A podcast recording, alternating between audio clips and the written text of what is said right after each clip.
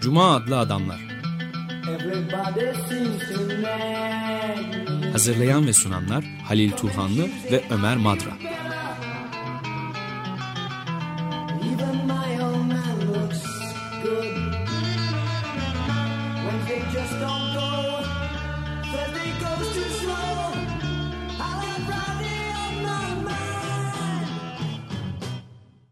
Desteği için Açık Radyo dinleyicisi Özgür Yılmaz Eskioğlu, Superi Eskioğlu, Onur Eskioğlu'na, Ebru Ulutuna'ya teşekkür ederiz. Merhaba Halil, hoş geldin. Teşekkürler. Bugün yine birkaç kez e, defalarca yaptığımız üzere e, sanatı, sanattan bahsedelim. Politika, kültür, ama sonuçta e, belirli kavramlar, belirli konular üzerinde e, tartışıyoruz. Pierre Bourdieu'nun e, uzun süre önce yayınlanmış, Türkçe'ye çevrilmiş daha doğrusu ve 2006 yılında da ikinci baskısı yapılmış bir kitabı var. Çok önemli bir kitap. Sanatın Kuralları. Evet, Pierre Bourdieu, Sanatın Kuralları. Ee, Burada e, kültürel üretim alanının e, oluşma sürecini inceliyor ve alan kavramını e, ortaya atıyor ya da kültür sanat bilimi farklı iki okumanın arasında kurulan karşıtlığın aş- aşılmasını amaçlıyor Bourdieu. E, Bunlar birden bir tanesini iç okuma ya da biçimci okuma, saf estetik okuma olarak adlandırdığı okuma biçimi. Diğeri ise e, dış okuma. Saf e, okuma ya da iç okuma e, metnin tarihsel e, bağlamlarından kopararak e, hangi koşullarda üretildiğini hiç dikkate almaksızın metnin içine kapanarak okumak, e, gösterge bilimden yararlanarak yapıtları yapıtları e, yaratırken başka gönder tarihsel bağlamlara da olmaksızın e, dikkate almaksızın ta- geçmişi unutarak e, yorumlamak. E, diğeri ise tam karşı dış okuma dediğim e, tarihsel e, koşullar için hangi tarihsel, tarihsel koşullar içerisinde üretildiğini dikkate almak. Ama bazen bu ikincisi de birinde e, sakıncaları var. E, Bourdieu başta bunu ikincisine tarihselliği, tarihselleştirmeyi dikkate almaya yakın duruyor kendisi, yakın görüyor kendisini ama onun da indirgemeci olduğunu da kabul ediyor kısmen. Çünkü bazen sadece ekonomik koşullara, iktis- iktisadi, ekonomik altyapıya indirgenerek açıklanıyor. Yani şöyle bir şey örnek verelim. Floransa sanatını, 16. yüzyıldaki Floransa sanatını e, incelemek için oradaki patronaj ilişkisini bilmek lazım. Evet, mesenlik sistemi değil mi? Evet. Evet. Ee, ama sadece bu da değil. Pek çok e, şey var. Olasılıklar zaten bu iki e, okuma arasında, okuma tarzı arasında e, kurulan karşıtlığı aşmak için alan kavramını ortaya atıyor Bourdieu. Alan, kültürel üretimin yapıldığı alan ya da sadece alan pek çok olasılıkların bulunduğu bir yer. Pek çok dikkat şeyler var. Bir, e, sadece yazarın orada kendi yaratıcılığı da yok aslında bir toplumda yazarın e, e, yap- yapıtının beğeninin de üretilmesi söz konusu. Buraya pek çok kişi giriyor. Yayıncı, okur, müze e, müdürleri, galeri sahipleri, e, müzayede salonları hepsi hepsi o şeye giriyorlar. Ya da 18. yüzyıldan itibaren sanatçılarla onları himaye eden insanların buluştukları, soyluların buluştukları salonlar. Kahveler, salonlar. Evet, evet.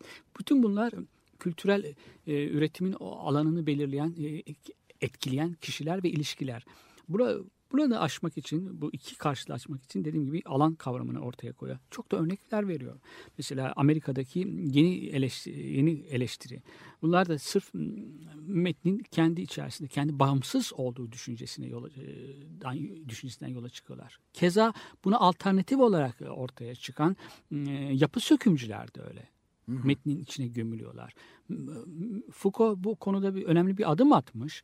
Ee, bir yapıtın başka e, yapıtlarla ilişkisini ortaya koymuş. Öyle düşünmüş. Ama yine de kültürel alanı bağımsız olduğunu düşünmüş. Kültürel üretimin bağımsız olduğunu düşünmüş. Bağımsız bir etkinlik olduğunu düşünmüş. Orada ileriye doğru attığı adım bir yerde durmuş. Burada yazar sorgulanması gereken şu aslında. Yazar evet yaratıcıdır ama yazarın tekil yaratıcı, tekildir yaratıcısı ama bir aşkında değildir. Bir sanat yapıda aşkın ifade etmez. Onu anlaşılabilir bir şeydir. Bir, bir örnek verelim. Ben de Bourdieu'nun örneğine dayanayım. Kendi kendini yaratan yazar anlayışı vardır. Bu yazarın birden ortaya çıkmış gibi. Yıkı, en yıkıcı yazar dahi e, başka bir geçmişle bir bağlantısı vardır.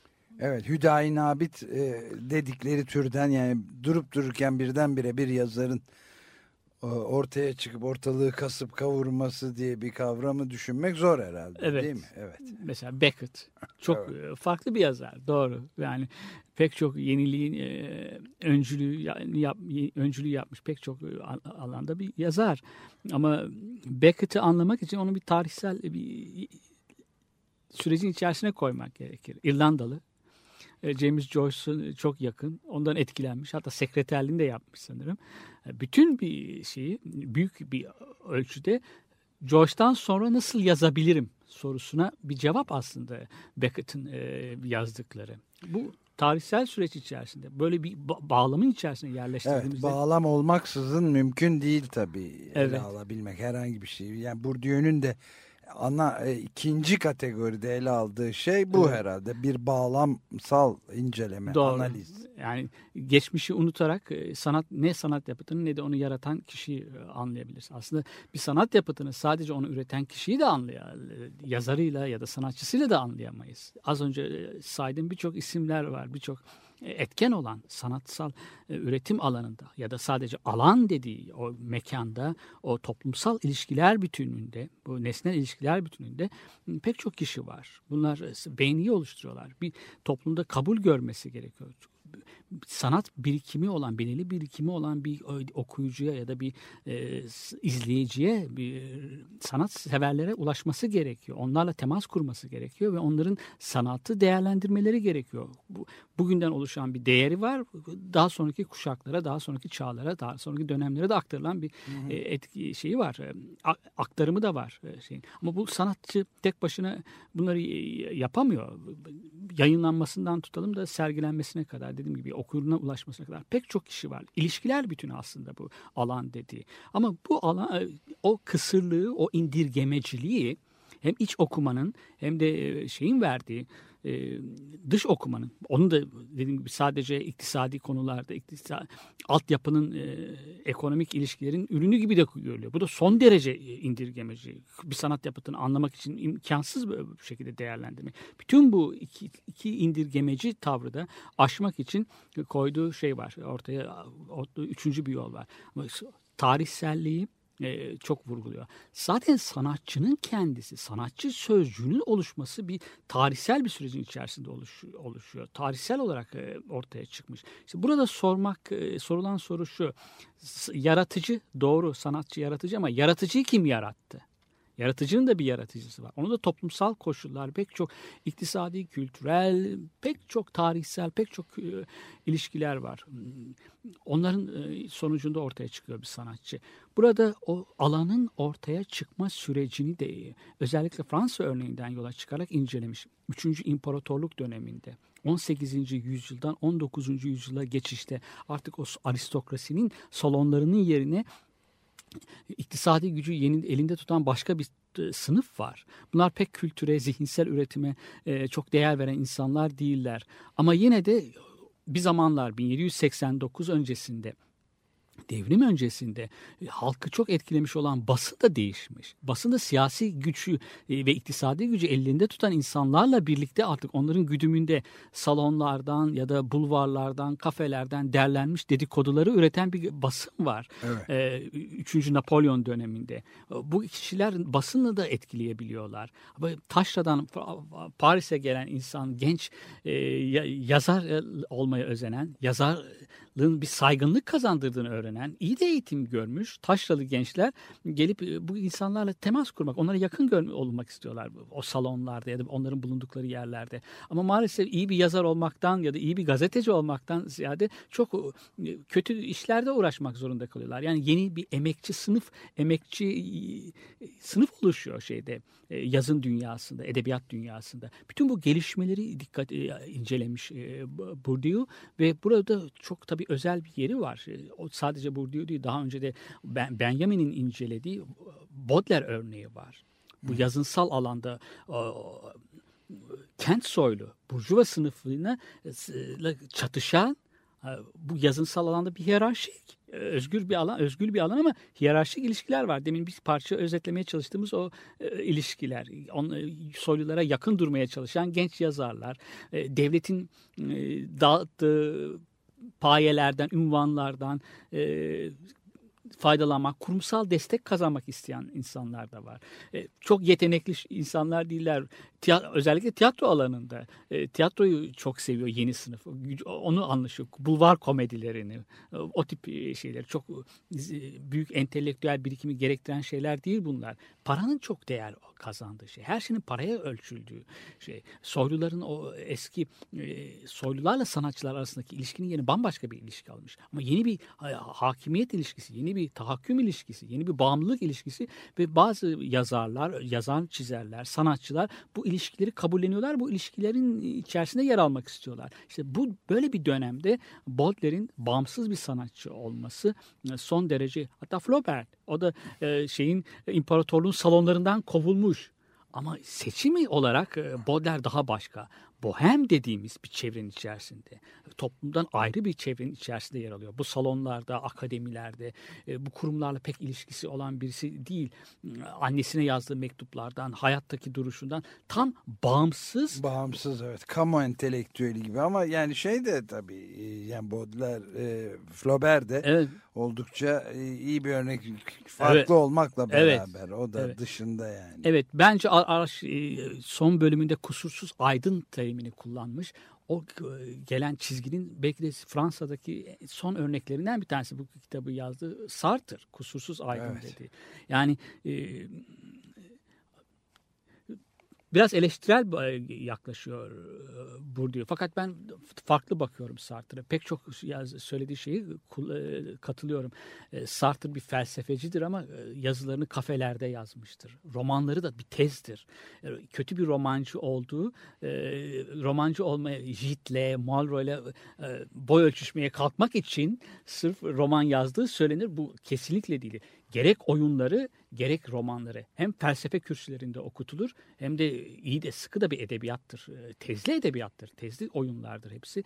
Ee, ve bir aydın olarak angaje olmuş aydın. Yani e, her evet, daima taraf. Evet Zola aslında. Zola örneğini de şey evet. yapalım. Bağımsız bir aydın o, o geleneğini sürdüren birisi. Baudelaire, Zola, Fransız örneğinden gidiyoruz ama evet. buraya bağlı kalarak e, hepsi yani onu söylemek istediği doğru.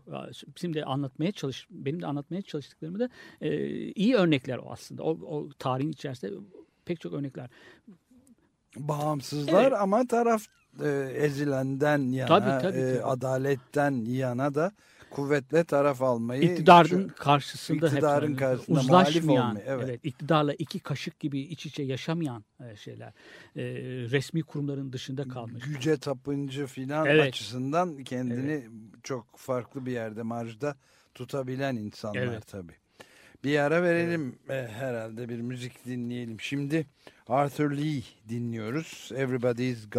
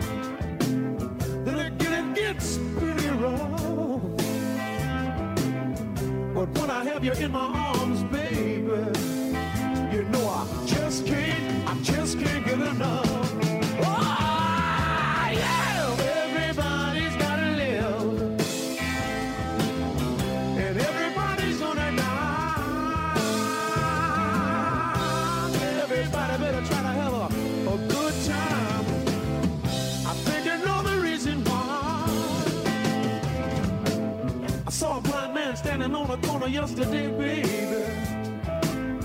He couldn't hardly tie his shoes. We had a harmonica and a guitar strapped around his neck. and it sure could, it sure could play the blues.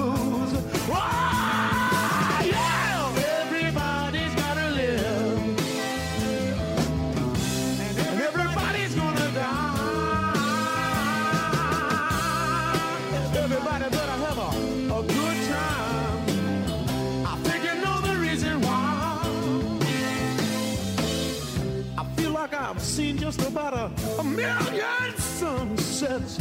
She said, if you're with me, I'll never go away. That's when I stopped and I took another look at my baby. She said, if you're with me, I'll never go away. Because everybody's gotta live. And everybody's gonna die. Everybody try to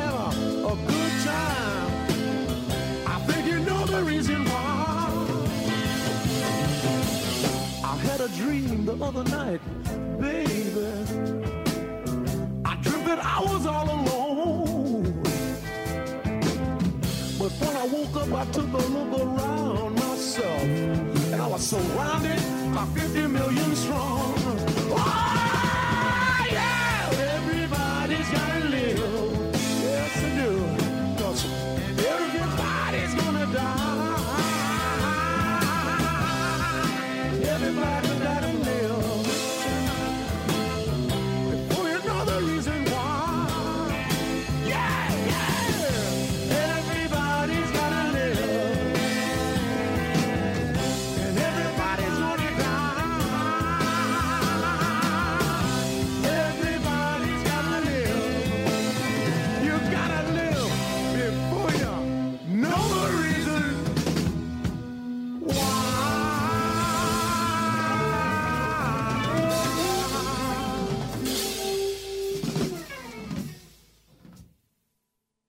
Evet Arthur Lee'den dinledik. Everybody's Got to Live.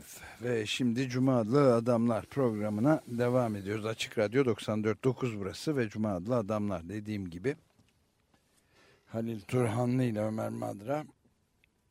Ee, Bugün gene sayısız programda yaptığımız gibi sanata yönelik sanatın anlamı üzerinde ve kuralları, kuramları ve kuralları üzerinde biraz e, konuşmaya çalışıyoruz. Pierre Bourdieu'nun bir yapı kredi yayınlarından yayımlanmış bir kitabı var. Sanatın Kuralları adını taşıyor Pierre Bourdieu'nun ve çeviren de Necmettin Kamil Sevil. Bu yapı kredi yayınlarından ne zaman yayınlanmış diye bakıyorum. İkinci baskısı 2006 Mart'ında yapılmış. Birinci baskı 1999. Evet böyle bir kitabın ikinci baskısının da yapılmış olması da iyi bir şey ayrıca. Fakat bu kitaplar az basıl, az miktarda basıyorlar. O da bir başka gerçek. Evet o da Yani ayrı bir gerçeği tabii iş. Bu kitapların doğru dediğin gibi okunması lazım. Ee, çok geniş e, ilgi alanı olan bir sosyologtu Bourdieu.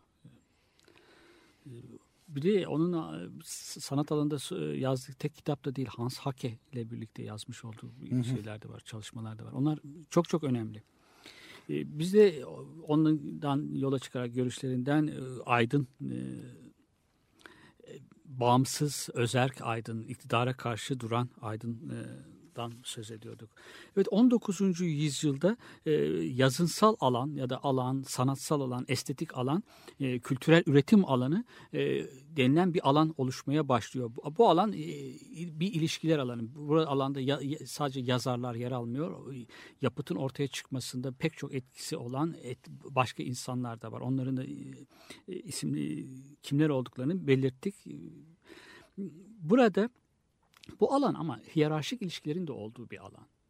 Bu alanı özerk bir alan. Bu alandaki sanatçının iktidar karşısında e, tavır alan, muhalif ol, bir aydın olarak bi- biçimlenmesine e, etkili olanlardan söz ediyoruz. Onları önemsiyor Bourdieu. Biz de ona izleyerek izliyoruz.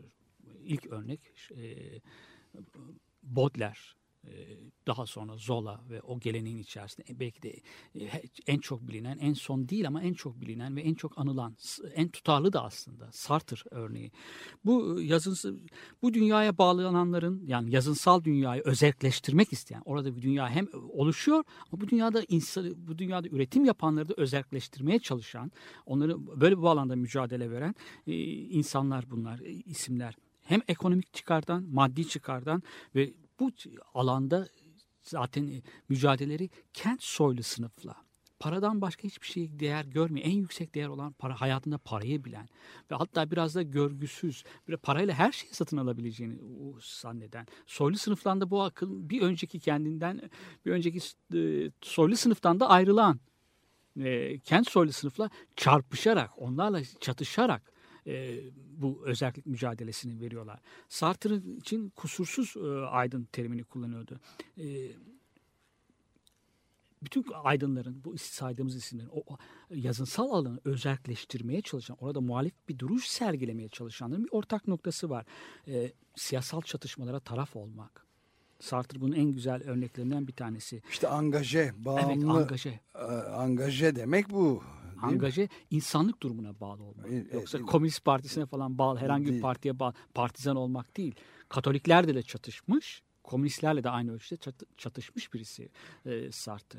Bu bakımdan da e, yani ne İsa'ya ne Musa'ya yaranmış e, derler Evet zaman yani zaman. angaje deyince insanın aklına tabii hemen bir yere bağımlı Evet. olma düşüncesini getiriyor. Onun tam tersine yani Evet. bağımsız ama angaje. O, o çok önemli bir Evet. şey yani. E, insanlığı ezilenlerin durumuna angaje. Evet Kim aynen öyle. Bir Yani de belli bir kurumun, belli Hayır, bir hayır. para çevresinin, kapital çevresinin ya da fikir çevresinin yani de değil. kilisede din de iktidar. Evet. Onlara bağlanan aydın Hiçbir bağımsız olan. iktidar ve güç Parti kurumunun... bence parti de öyle bir iktidar. Evet, evet aynen öyle. Ee, akade- bir de tabii şey var. Demin Sartre örneğinde de, e, söz edecek bir şey. Felsefeyi akademilerin kapalı ortamından çıkarmış birisi. Felsefeci elbette ki çok önemli bir felsefeci.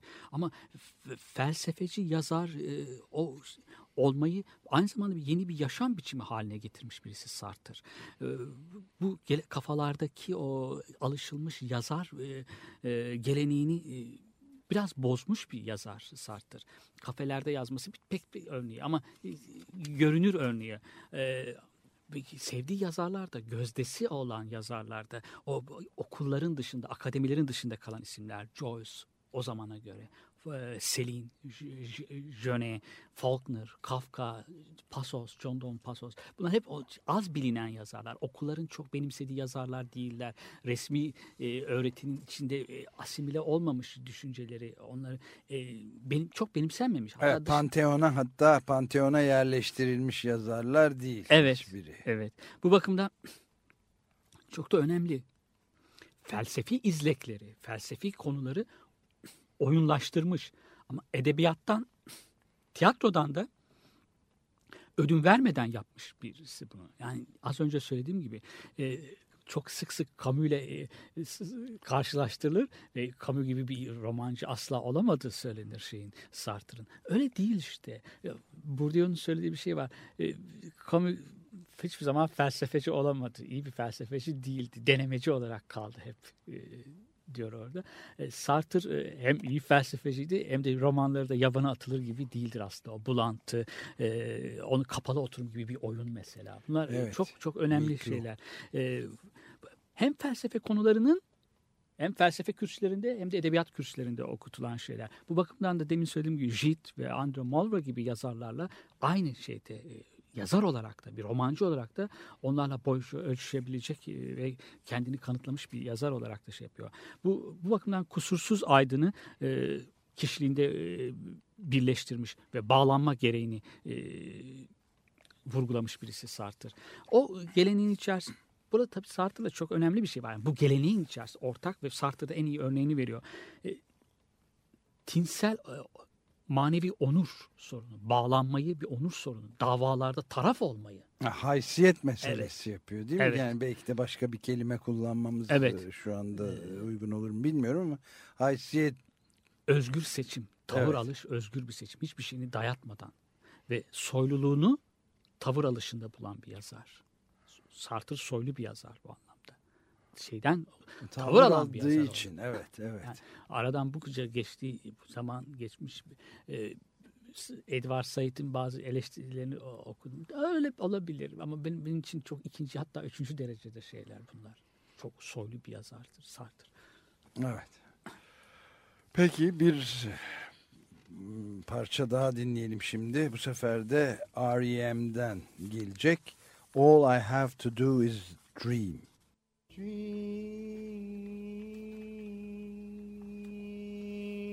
dream, dream, dream, dream, dream, dream, dream, dream. When I want you in my arms, when I want you, and all your charms.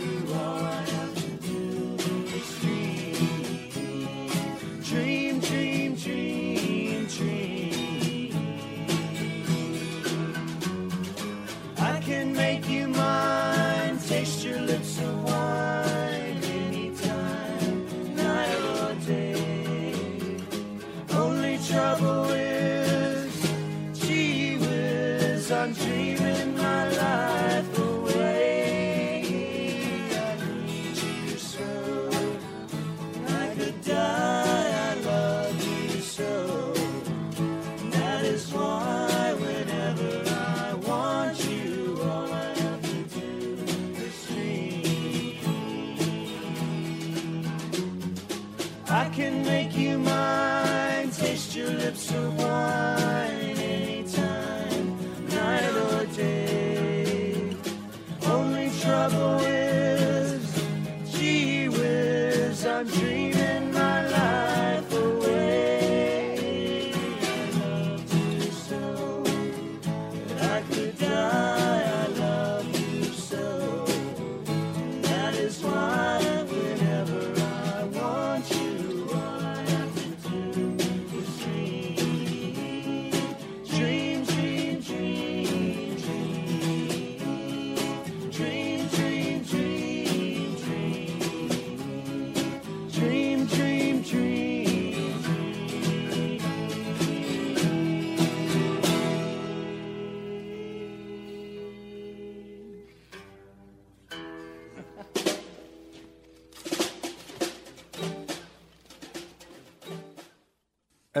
All I Have to Do Is Dream. Bu şarkıyı R.E.M'den dinledik. Aynı zamanda Everly biraderlerinde unutulmaz 1950'lerin sonu ve 60'ların başı özellikle müthiş çarpıcı etkileri yaratmış olan bence rock'n'roll'un en baba gruplarından, kurucu gruplarından biri Everly Brothers'a da bir saygıydı bu. Onu da dinledik. Cuma adlı adamlar programındayız Açık Radyo'da 94.9'da ve Sanatın Kuralları adlı kitabından e, hareket ederek Fransız düşünür yazarı Pierre Bourdieu'nun Necmettin Kamil Sevil çevirisiyle Yapı Kredi yayınlarından yayınlanmış bir kitabın üzerinden giderek ağırlıklı olarak belki Fransız e, edebiyatçıları ve düşünürlerinden ve sanatçılarından kalkarak ama aslında bağımsız sanatçı nedir? E, angaje olup bağımsız da olunabilir mi? Taraflı olunabilir mi? Ezilenlerden yana angaje olunur mu? Bu meseleleri birazcık tartışıyoruz. Girmeden önce bir şey söyleyeyim. Everly Brothers'la ilgili. Ben de çok severim o şarkıyı. Ben ona Beatles öncesi popüler müzik diyorum. O müziğin en Evet. iyi örneklerinden bir tanesi e, eski parçaları çalan radyolar vardır böyle. Capital Gold vardı Londra'da. En çok çaldığı parçalardan bir tanesi. Ben o, o dönemin popüler müziğini de çok severim. Bir de e, yine Beatles çıktıktan sonraki de popüler müziği, doo-wop müziğini ve siyah müziğini, e, kız grupları vardı. Evet. Supreme'si, Diana Ross'un daha önceki Supreme'si falan. E, dinlediğim bir müziktir. Soul müziği, Sam Cooke'un müzikleri falan.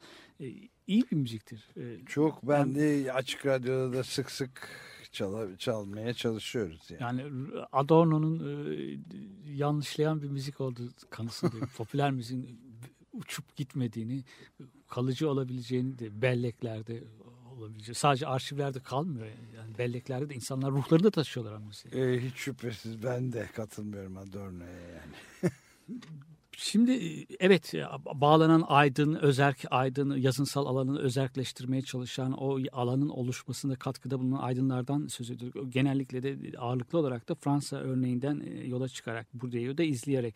Ama sadece bunlardan bahsetmiyor bu kitapta sanatın kurallarında. Daha pek başka şeyler de var. Bunlardan bir tanesi sanatçının fetiş, sanatın sanatçının isminin marka haline gelmesi bu alan e, dediğimiz gibi pek çok e, hiyerarşik bir alan aslında. Özgür, özgür, burada özgür bir duruş sergilemeye, e, özgür bir pozisyon, al, muhalif bir pozisyon almaya çalışan sanatçıların dış, yanı sıra e, iktidara yanaşmaya çalışan, iktidarla e, iç içe olmaya çalışan ve böyle bir ilişki kuran sanatçılar da var bu alanda. Çok karmaşık ilişkilerin bulunduğu bir alan. E, sanatçının bir marka oluşu, yazarın ya da ressamın bir marka oluşu ve onun ürettiği her şeyin giderek fetişleştirilmesi e, söz konusu. Yani şu soru, o pisuarı e, Duchamp diye de bir musluk tamircisi yapsaydı acaba müzelerde ya da şuralarda sanat şeyinde o değerlendirilir miydi? Yüzüne bakan olur muydu? Bir musluk tamircisi getirsip koysaydı oraya.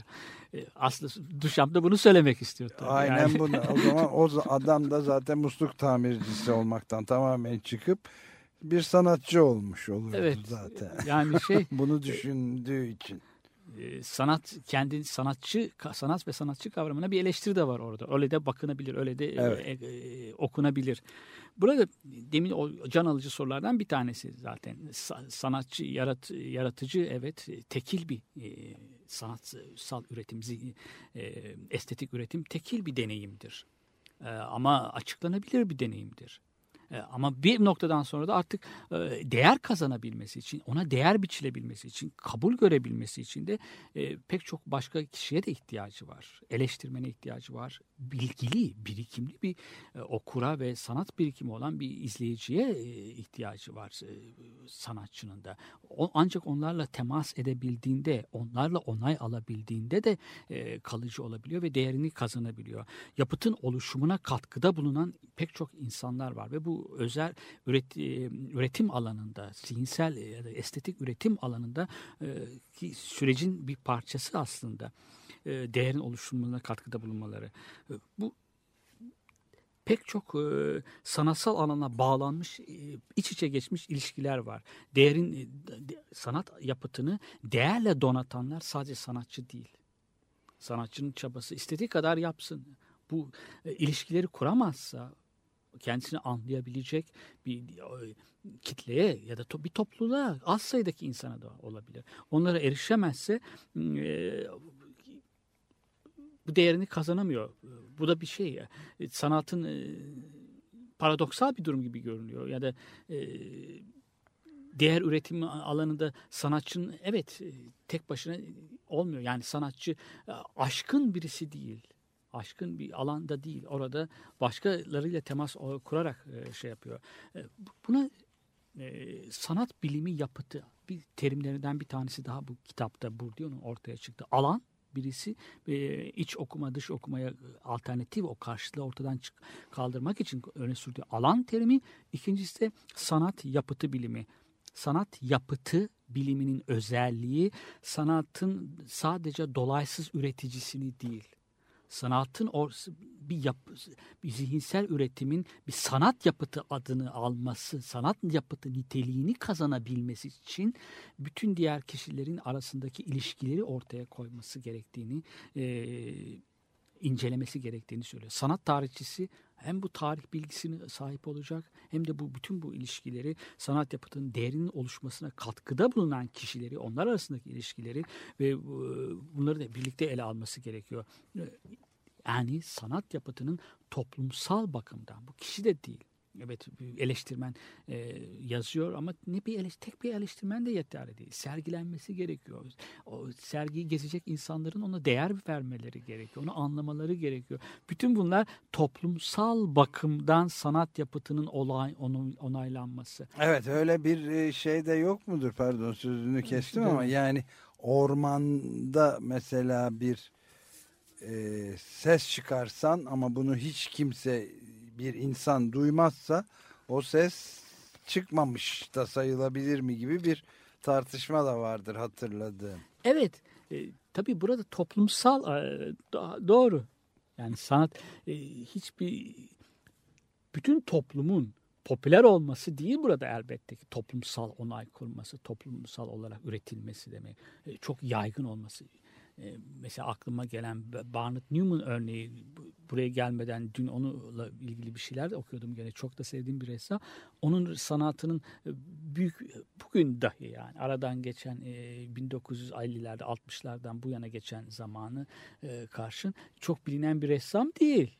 Ama be- belirli bir çevrede de e, onay görmesi gerekiyor. Onu anlayan az sayıda bir kitlenin de bu kesimin topluluk kitleyi bırakalım bir topluluğun da bulunması gerekiyor. Yoksa var olamıyor Evet, değil mi? yani o, o sanat o yapıtını şey yapan bunlar. Bir de e, demin o şeyden söz ettik. E, iktidarla arasındaki özerk alanın e, kurulmasında, e, sanat e, alanının, estetik alanın oluşmasında o hiyerarşik ilişkilerin ne kırmaya çalışan, o alanın içerisinde bir muhalif duruş sergilemeye çalışan sanatçı 19. yüzyılda evet bir yaşam biçimi, kent soylularlıkla çarpışarak ondan hatta nefret ederek Baudelaire örneğinde olduğu gibi bir başka bir alternatif yaşam biçimi de ortaya koyuyor. Sartre da bu, bu, bu o sanatı yazdığı gibi yaşamak. ne nasıl resim yapıyorsa hayatında öyle yaşamak. Nina Simone'un bir şarkısı vardı. Şarkılarımda söylediğim hayatı yaşıyorum der. Yazdığım ya- hayatı yaşıyorum. Şunu yaz, e, yazdığım yaptığım resimleri, sanatımı yaşıyorum. Bohem'in biraz özelliği öyle. Sanatıyla yaşam biçimini bir- birleştirmek. Birbirinden ayrılamaz halde birleştirmek. E, bu onları mandarinlerden, kalem efendilerinden, iktidarla e, iç içe yaşayan, sanatını iktidarın hizmetine veren insanlarla, kent soylu yaşamın tek düzeliğine boyun eğen, bunu da biraz maddi gelir, maddi kazanç için yapan e, kişilere çarpışarak, onlara bir alternatif olarak bohem yaşamı, yaşam biçimini e, ortaya koyar. Bir yeni kimlik bu. Walter Benjamin'in dediği gibi. Bohemlerle aslında profesyonel devrimciler, Marx da bunu söylüyor. Pek çok iç içe geçmişlerdir 19. yüzyılda, 18. yüzyıl sonundan itibaren. Bu bir sanatın bir yaşam biçimi haline gelmesi. Yani e, sanatını maddi, çok yetenekli insanlar da olabilirler. E, ama kabul görmek için o salonlarda birilerine yakın durmak için sanat artık oradan sonra o anlam sanatı da ortadan kalkıyor bu sahici bir hayat. Sahici bir sanat ve sahici bir sanat. sanat. Sartre öyle. Yani bunaltıyı falan okuduğumda Sartre'ı ben edebiyatı öyle sevmişimdir. Yani onları hayatının da gerçekten yaşamlarıyla örtüştüğünü bildiğim için biraz sevmişimdir. Bütün yazar, sevdiğim bütün yazarlar da bir, bir ölçüde öyledir. Evet, bir, tabii bu bazı müzisyenlerde E, hepsi- filan değişebiliyor. Yani sanatıyla yaşama tarzı arasında farklar olan e, birçok başka e, sanatçı, yazar, çizer ya da müzisyen örneği verebiliriz tabii ama ben benim de tercihim bu Evet. söz eylem birliğinden yana doğrusu. Evet çok var yani e, e, isimlerini almak e, sevenleri itiraz edebilirler pek çok var ama isimlerini almayalım. E, olumlu örnekleri örneklerin üzerinden duralım. E, hep e, yani sanat e, baştan itibaren o paranın egemen olduğu bir toplumda doğuyor. O sana alan dediği yer paranın egemen olduğu yeni bir egemen sınıf ortaya çıkıyor. Ee, ve bu egemen sınıfla yakın olmaya çalışan insanlar onlar. O taşradan gelen insanlar, Paris'te hayatını, Paris'te doğup büyümüş. O ama o, o ilişki kurduktan sonra da o yazar saygınlığı da bence de ortadan da kalkıyor biraz. Yani iktidarın hizmetinde sanat, muhalif olmayı yitiren, sesini çıkaramayan, bu anlamda bağlanamayan taraf olamayan e, olamadığında da bence o şeyi e, cazibesini yazar olmak çok şeydir göz kamaştırıcı bir şeydir. E, e, hala öyle düşünürüm ben. E, o şeyini bütün e, bence e, demin söylediğimiz şey ya tinsel onurunu biraz e, de yitirmiş oluyor. Evet öyle bir şeyden bahsetmek mümkün. Bir e, müzik daha dinleyelim. Şimdi Nils Lofgren'in Wonderful World'üne kulak veriyoruz. Don't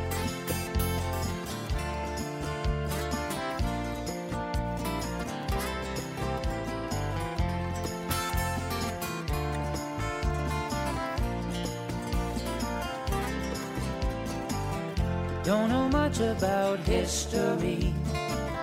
Don't know much biology. Don't know much about a science book. Don't know much about the French I took. But I do know that I love you.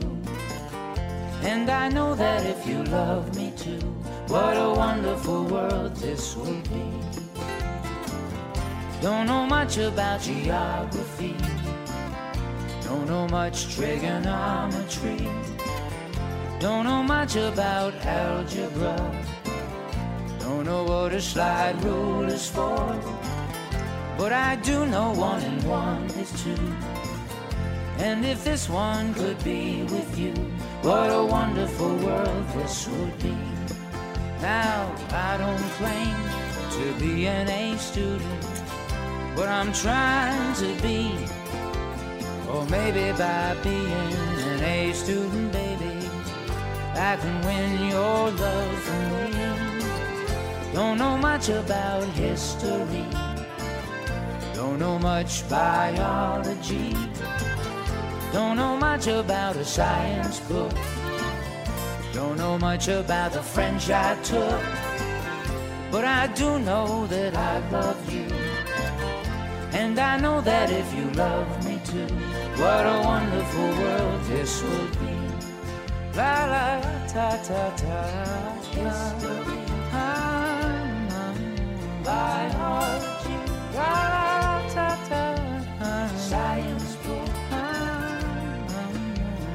French I took. But I do know that I love you.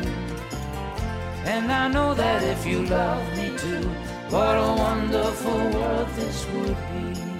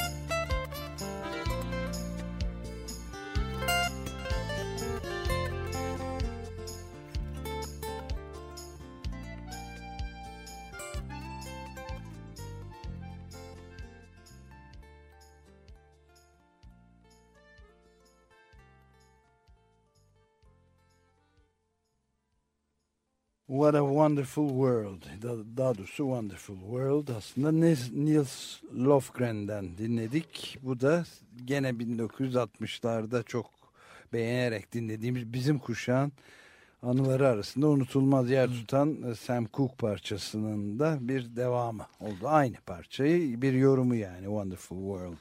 Nils Lofgren de Bruce Springsteen'in gitaristi. Evet. mi? evet. O da yine söylediğimiz gibi Golden Oldie, altın eskileri. Evet. Golden Oldies'i çalan istasyonların böyle çok e, playlistinde olan bir parçalardan bir tanesidir. Evet. E, insanın onları da dinlemek ihtiyacı Çok iyi de geliyor yani. Evet, doğru. Mood olarak, ruh haleti ruhiye olarak da Evet. iyi geliyor yani. Doğru. Bana bana öyle Yani yani. iyi iyi sıkı pop. evet. Phil Spector'ın popu çok iyi. Onun Evet. e, eski Phil Spector Wall of Sound. Evet evet. O- o- onların hepsini e, coverları, yorumlarını yapmaya çalışıyorlar. Yani tükenmiyor bir de. Defalarca da yapılmış. Bu Sam Cooke'un da Wonderful World falan da çok e, cover yapılmış. Defalarca pek çok sanatçı tarafından yorumlanmış sanatçı. Hele Everly Brothers. Evet evet hepsi bunlar çok klasik standart insanlar. O ya o stüdyo teknikleri de bugünkle o- e, şey yaptığında kıyasladığında o kadar da gelişmiş değil ama iyi kullanılmış yani. A- a- Aynen öyle. Sınırlı te- teknolojiden çok iyi kullanılmış, verim alınmış. Evet biz yine Bourdieu'nun Evet sona e, doğru da yaklaşıyoruz aslında artık bir 6-7 dakikamız var ve sanatın kurallarından Pierre Bourdieu'nun kalkarak sanatın kurallarını, gelişimini, bağımsız sanatı izlemeye çalışıyoruz, angaje sanatı. Evet. e, demin de söyledik o yazınsal alan ya da estetik alan, zihinsel üretim alanının daki ilişkilerden söz edildik. Orada beğenin e, anlattığımızdan şu sonuç çıkıyor ya da Pierre, Pierre, Bourdieu'nun anlattıklarından bizim de aktarmaya çalıştığımızdan. Beğeni de yeri geldiğinde beğeni de üretilen bir şey. Ama kimin ürettiği, nasıl üretildiği önemli olan o. Bir üretilen beğeni var, toplumda yaygınlaştırmaya ve genel beğeni olmaya dayatılan bir üretim şey var, e, beğeni var. Bir de gerçekten bilgili, birikimli okurun ve sanat izleyicisinin beğenisi var. Bazı sanatçı e, çok satamayacağını, çok fazla kişi yazar çok fazla okura ulaşamayacağını baştan biliyor. Ama o az sayıdaki okura da ulaşması önemli. İşte onun o değerini biçen, yaşatan ve kuşaktan kuşağa geçiren hatta kült bir yazar, kült bir ressam sanatçı haline getiren de o asıl çok bir sanatı iyi bilen, bir sanat tarihçisi kadar bilen, birikimi olan okur. O onun e, gönlünü kazanması diyelim, onun beğenisini kazanması çok önemli. Yani o sanatsal alandaki muhalif duruşunu koruması ve onun onu onaylatması da biraz da o birikimli, bilgili e, okuyucuyla ya da sanat severle buluşmasına bağlı bir şey. Buradaki söz konusu olan bir seçkinci sanat asla değil. Sanatçının ve sanatının özelliği ve genel ana akımın içerisinde erimeyen, ana akıma dahil olmayan bir sanat olması romancı olarak da. E, demek ki yani şunu söyleyebiliriz. E, beğeni de üretilen bir şey, üretilebiliyor. E, bir ve sanatı anlamak e, kat, bir de bu kişiler okur e, üretim sürecine katılmış oluyor aslında. E, yani sanatın zihinsel tabii, üretim tabii. sadece sanatla Çok önemli bir nokta. Ben de onu katılım. düşünüyordum. estetik deneyime katılması demek. Biz okur, bilgili okurun ama. Evet okur enforme bir toplumun e, yaratılmasında yani böyle bir okur e, metni de yeniden üretiyor demektir herhalde. Evet. Evet.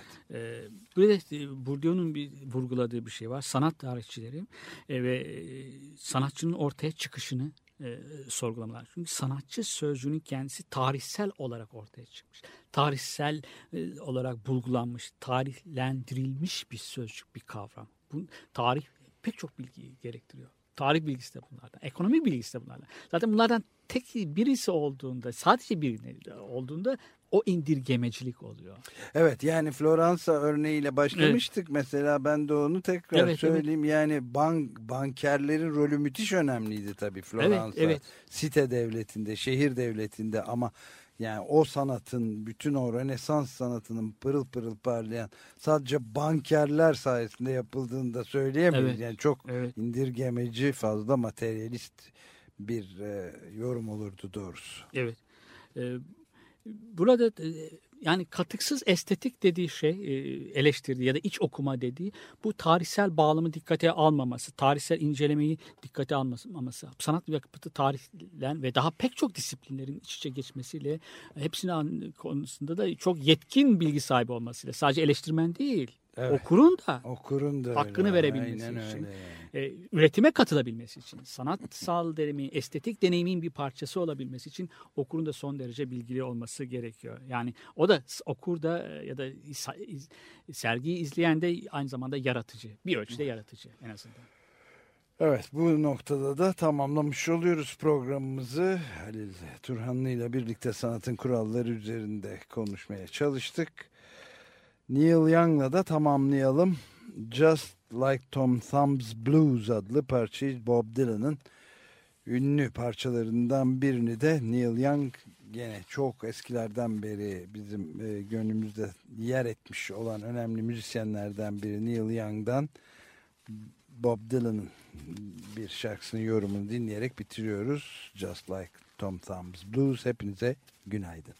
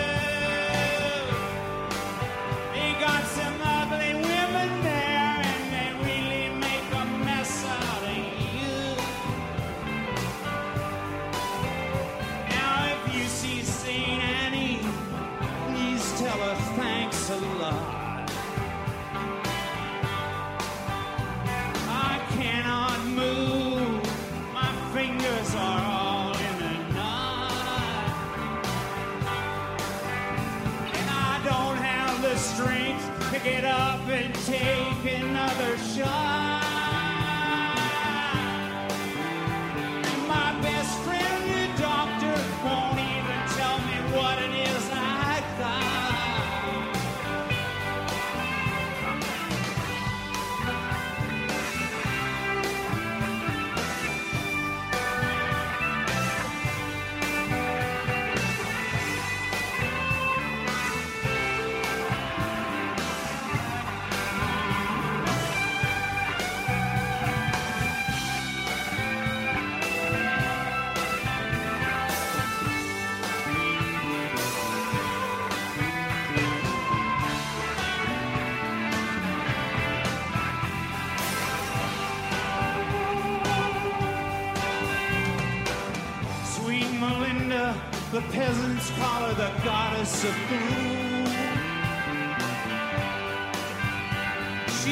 Speaks good English as she invites you up into her room.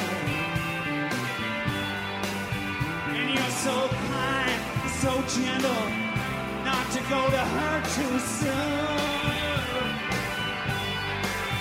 And she steals your voice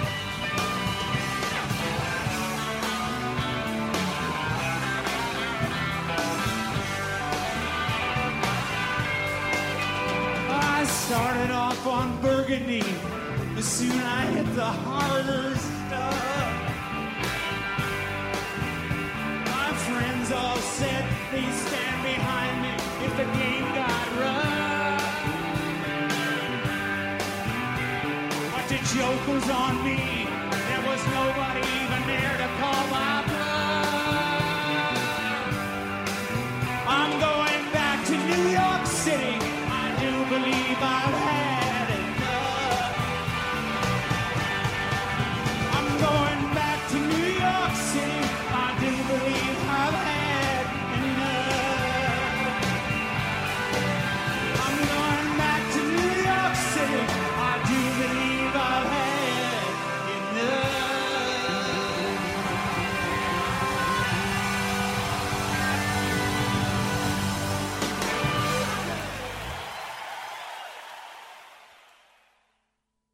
Desteği için Açık Radyo dinleyicisi Özgür Yılmaz Eskioğlu, Superi Eskioğlu, Onur Eskioğlu'na Ebru Ulutuna'ya teşekkür ederiz.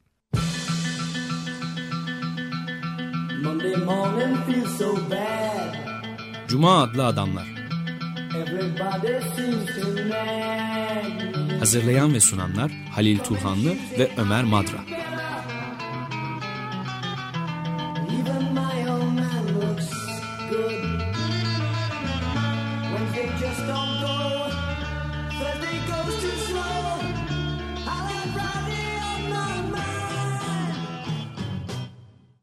Açık Radyo program destekçisi olun. Bir veya daha fazla programa destek olmak için 212 alan koduyla 343 41 41.